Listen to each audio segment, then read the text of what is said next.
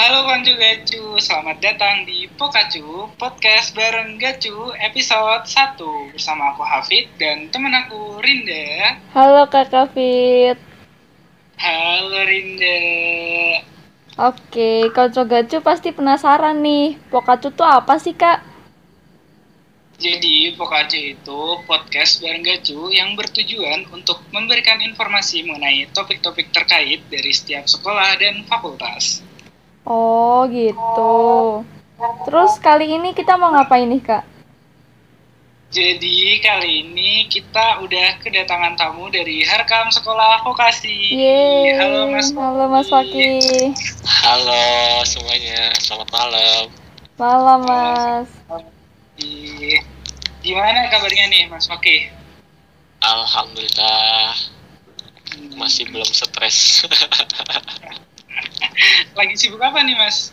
Kalau boleh tahu. ya sibuk bantu orang tua bikin kue lebaran lah. Oh iya, lebaran ya. Dua hari lagi. Dua hari lagi. Apa tadi? Pogacu apa sobat apa? Pogacu. Konco Gacu Mas. Oh, Oh, Jadi kita gacu. Oke, siap siap siap. Oke, boleh dong Mas Faki kenalin diri lebih banyak lagi ke Konco Gacu dari jurusan mana, angkatan berapa, dan di BEM Sekolah Vokasi ini menjabat sebagai apa? Oke, siap. Eh, selamat malam tadi eh, Konco Gacu ya.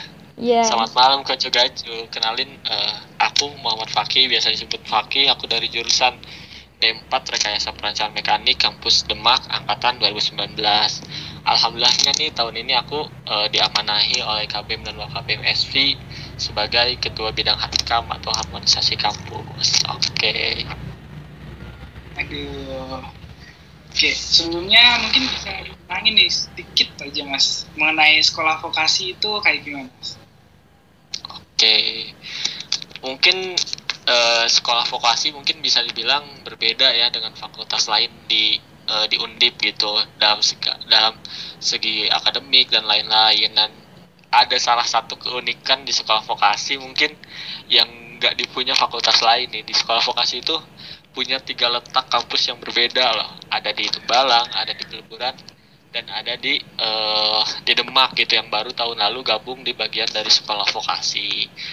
Ada 11 jurusan D4 di naungan dari sekolah vokasi dan ada D3 juga yang kebetulan tahun ini bakal eh, sedihnya sih ditutup karena kan dilanjutkan dengan D4 yang mana di, di jurusan D3 bakal ada penggabungan dan dijadikan jurusan di D4 kayak gitu. Terus sekolah vokasi apa ya? dibilang kenapa bisa dibilang fak- bukan fakultas vokasi mungkin lebih kayak gimana kita di SMK kayaknya karena kan di sekolah vokasi secara akademik kita 70% melaksanakan praktek dan 30% nya cuman teori. Nggak kayak fakultas lain mungkin bisa dibilang lebih banyak teori. Kita lebih banyak secara eh, aksinya kayak gitulah bisa dibilang lebih ke prakteknya. Terus sekolah vokasi hmm, keunikan lain dari sekolah vokasi eh, mahasiswanya cukup cukup cukup kompak sih dalam hal ini. Karena kan eh, digabungkan yang salah satu lebih keunikan dari kita kan? Sekolah vokasi ada dua dua apa ya dua iklim yang berbeda bisa dibilang. Kayak saintek sama soshum yang dijadikan satu di sekolah di sekolah vokasi. Yang mana nggak membuat kita eh, jadi kubu-kubuan gitu malah jadi membuat kita semakin kuat gitu di sekolah vokasi. Kayak gitu. Oke, jadi ada latar belakangnya ya Mas kenapa disebut sekolah bukan fakultas gitu ya Mas. Dan anak-anak SV ini cukup kompak ya Mas gitu. Bisa dibilang kayak gitu ya Mas. bisa dibilang mungkin paling kompak sih di undip kalau ada apa-apa Emang paling keren deh sekolah vokasi. nah, sekarang kita udah tahu lumayan banyak nih Mas tentang sekolah vokasi. Menurut Mas Faki sendiri mengenai fasilitas penunjang proses pembelajaran di sekolah vokasi itu kayak gimana Mas? Apa udah cukup atau harus ada yang ditingkatkan lagi Mas? Oke, jadi fasilitas yang ada di sekolah vokasi mungkin kayak gimana? Ini informasi juga buat mungkin teman-teman mahasiswa baru yang mungkin bisa mendengar juga tentang ini tentang sekolah vokasi ya mas ya jadi di sekolah vokasi itu tentang fasilitas. Mungkin bisa dibilang uh, dikatakan cukup sih cukup karena kan uh, masih bisa menunjang. Tapi kan uh, ada kendala dari tiga kampus yang ber, dari tiga lokasi kampus yang berbeda. Ada kesenjang ada bisa dibilang ada kesenjangan di setiap fakultas di setiap lokasinya. Bukan maaf bukan setiap fakultas ada di kesenjangan di setiap lokasi. Mungkin di kampus Tembalang yang bisa dibilang uh, gedungnya baru uh, fasilitas pun ikut baru kayak gitu. Tapi yang masih jadi PR adalah uh, penunjang buat praktikum yang mana masih menggunakan alat-alat bisa dibilang alat-alat lawas yang cukup. Bisa dibilang kalau ada apa-apa umur nggak bisa bohong kan? Umur bisa membahayakan kayak gitu. Semakin tua semakin membahayakan. Terus kalau buat sarana dan prasarana di peleburan nih buat teman-teman uh, dari sosum sama dari jurusan saintek salah satunya RPM yang masih berada di bawah tuh kemarin kita udah cross check ke bawah bahwa di gedung sosum ada perbaikan dalam hal ini.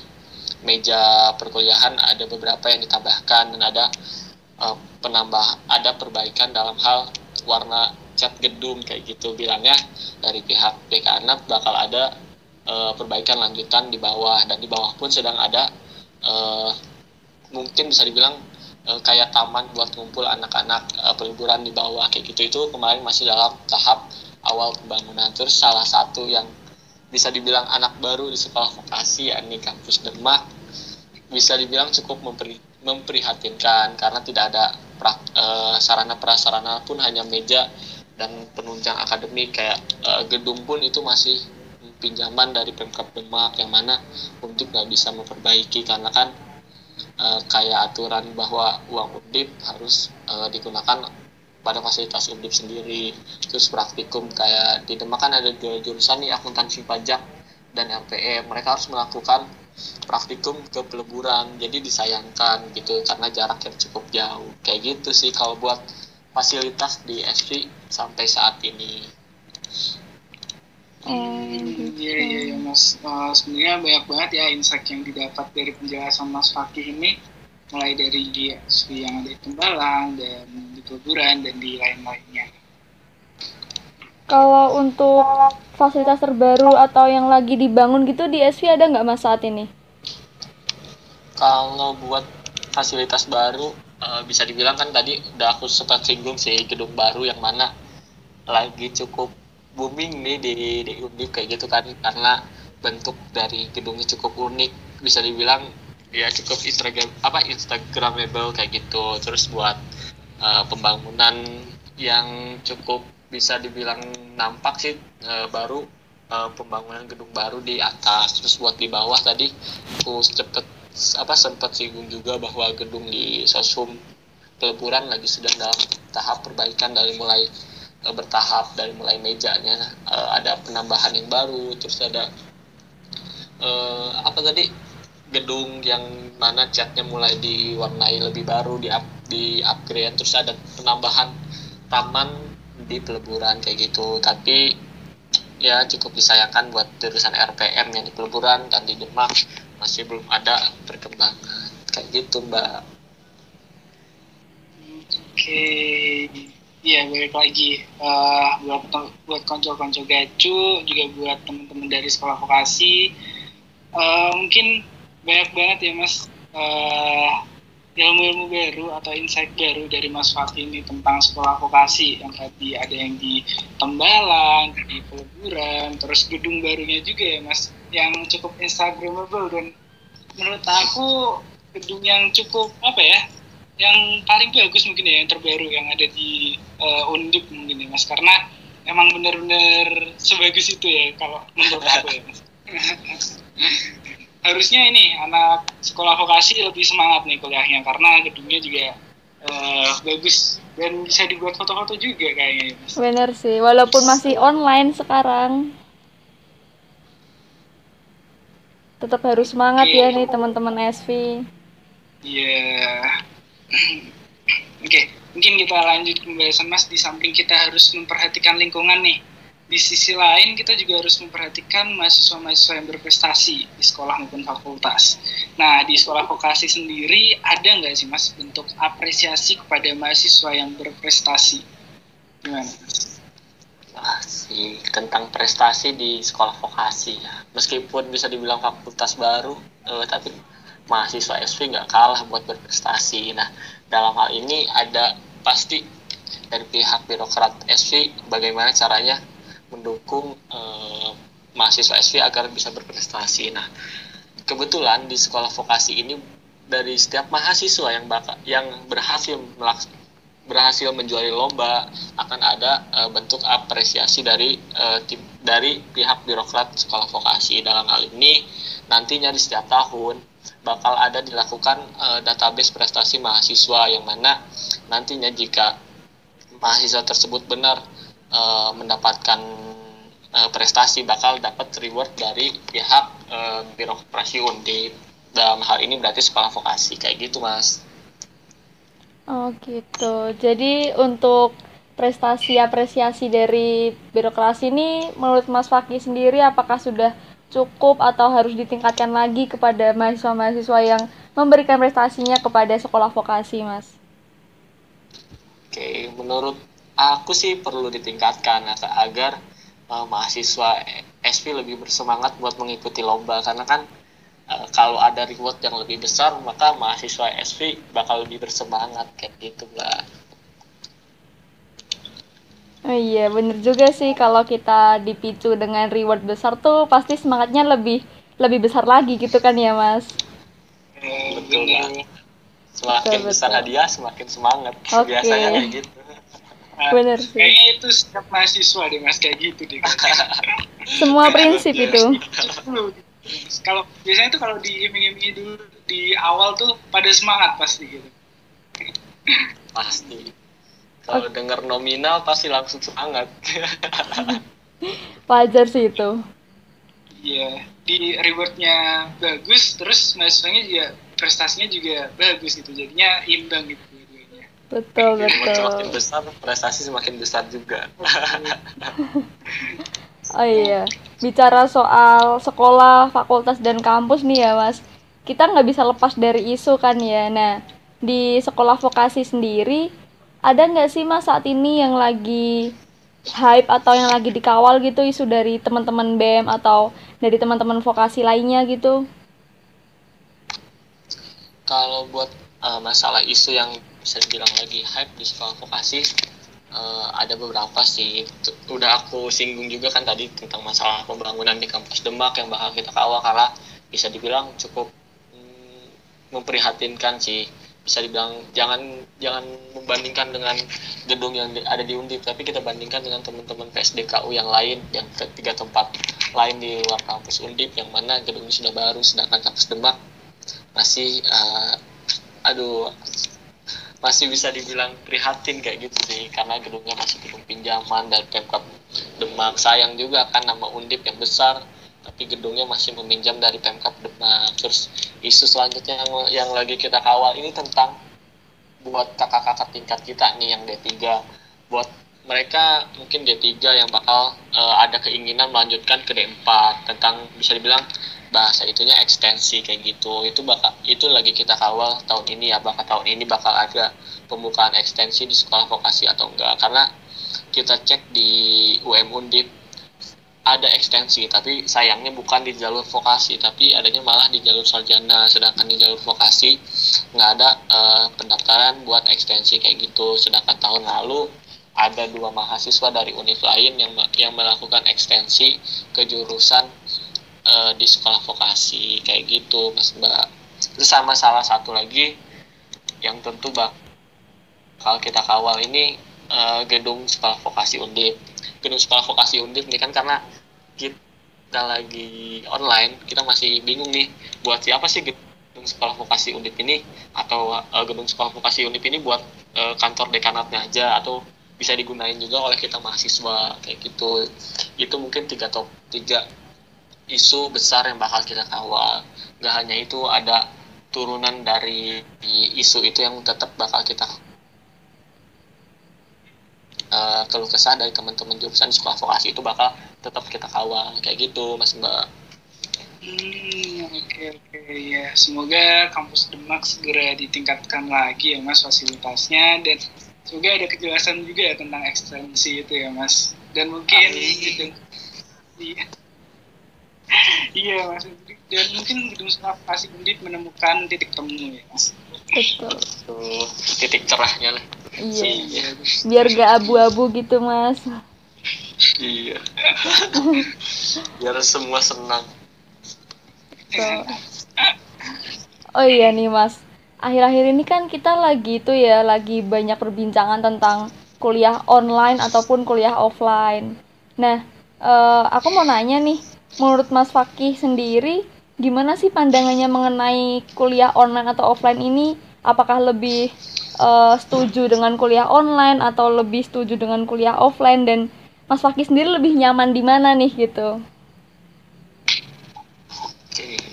masalah kuliah online kebetulan kemarin dari kita Harkam Sekolah Vokasi habis uh, nyelesain tentang kajian hybrid learning nih tentang satu tahun bagaimana kita melaksanakan online. Ternyata dari survei survei yang kita laksanakan mahasiswa mahasiswa terutama dari sekolah vokasi ini bisa dibilang udah udah cukup jenuh nih melaksanakan perkuliahan di rumah aja kayak gitu. Karena kan tadi udah aku singgung di awal tentang uh, apa tentang sekolah vokasi undip yang mana praktikumnya itu 70% sedangkan kalau kita melaksanakan online malah kita bisa dibilang 90% atau hampir 100% kita uh, jadi teori gitu praktikumnya ketunda atau bahkan amit-amitnya sampai dibatalkan kayak gitu. Mungkin dari aku mungkin lebih nyaman kita melaksanakan perkuliahan kayak biasa sih. Lebih kita tatap muka sama dosen sama teman-teman yang lain secara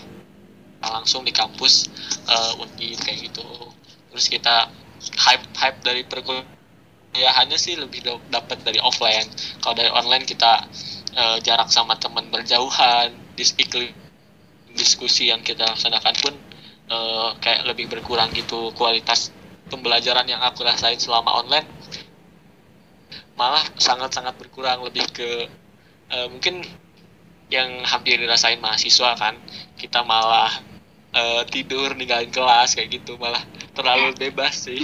Malah lebih banyak kita uh, ngerasain penugasan yang seabrek-abrek padahal belum tentu teori uh, yang disampaikan oleh dosen masuk. Karena kan kendala belum lagi ada kendala kuota, kendala jaringan dan kendala waktu yang mana uh, mahasiswa undip yang sangat sangat uh, hampir bisa bilang dari se Indonesia gitu waktunya nggak bersamaan.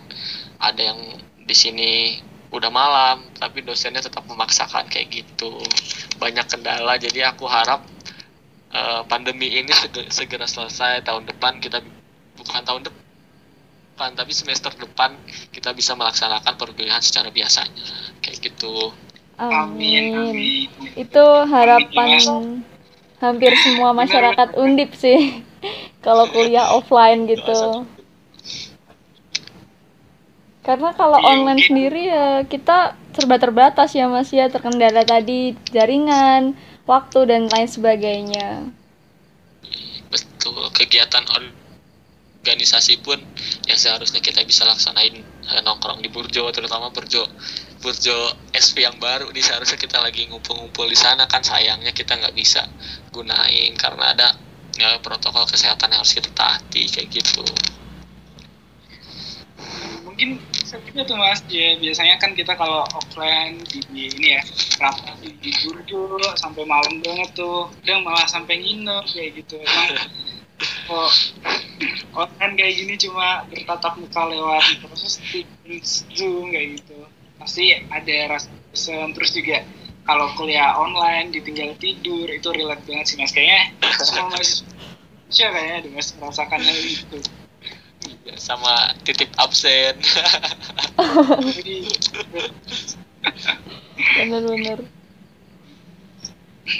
Ya gimana ya? Karena kita juga online kadang begadang ngerjain tugas terus ngobrol sama temen lewat virtual terus tahu-tahu paginya udah ngantuk gitu dan ya di kelas tidur. Terlalu banyak kendala buat pelaksanaan online sih. Sayang banget harusnya kita bisa offline kita asik-asik kan di kampus undi kayak gitu. Tapi keadaan Iya. harusnya udah bisa merasakan vibes mahasiswa nih terutama angkatan 20 ya kayak Bener. Linda ini. Belum pernah. Harusnya- iya. Ya harapannya semoga pandemi segera berakhir terus kita bisa ngobrol-ngobrol Amin, langsung amin gitu offline gitu. Amin amin amin paling serius Oke, nggak kerasa nih Mas, kita udah di penghujung podcast. Mungkin dari Mas Fakih bisa menyampaikan closing statement untuk topik yang udah kita bahas kali ini. Boleh Mas Fakih.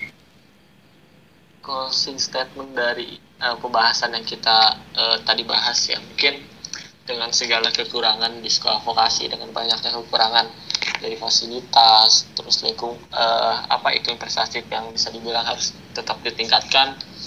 Kami sebagai mahasiswa vokasi tetap bangga jadi bagian dari vokasi karena eh, karena bisa dibilang kita eh, meskipun kita berbeda dari fakultas lain tapi kita mu- merupakan fakultas yang paling solid sekolah vokasi. Nggak ada nggak ada segala bentuk eh, kebencian terhadap sekolah vokasi dari mahasiswa dari mahasiswa sekolah vokasi Undip meskipun kita sering memberikan kritik tapi kan itu kritik yang tentu kritik yang membangun dan memberikan solutif bagi eh, sekolah vokasi Undip dengan keadaan apa pun dan dalam hal apa pun kami mahasiswa sekolah vokasi Undip tetap tetap bangga menjadi bagian dari sekolah vokasi Undip kayak gitu Luar biasa banget ya Mas, semoga makin solid buat sekolah vokasi, mahasiswa sekolah vokasi terutama ya Mas. amin amin Mungkin makasih ya Mas Fakih sudah bersedia bercerita sama-sama tentang Bang. si ke Konco Gacu nih Mas bareng kita hari ini. dan Oke, aku terima kasih juga udah diundang di podcastnya Gacu. Semoga Gacu bisa berproses menciptakan iklim undip yang lebih baik kayak gitu. Amin. Amin. Terima kasih, Mas. Dan buat konco gacu, jaga kesehatan, jangan lupa pakai masker dan jaga jarak. Nah, mungkin aku Hafid. Dan aku Rinda pamit undur diri. Sampai Dan jumpa Sampai di jumpa. Pokacu Pokacu episode kedua.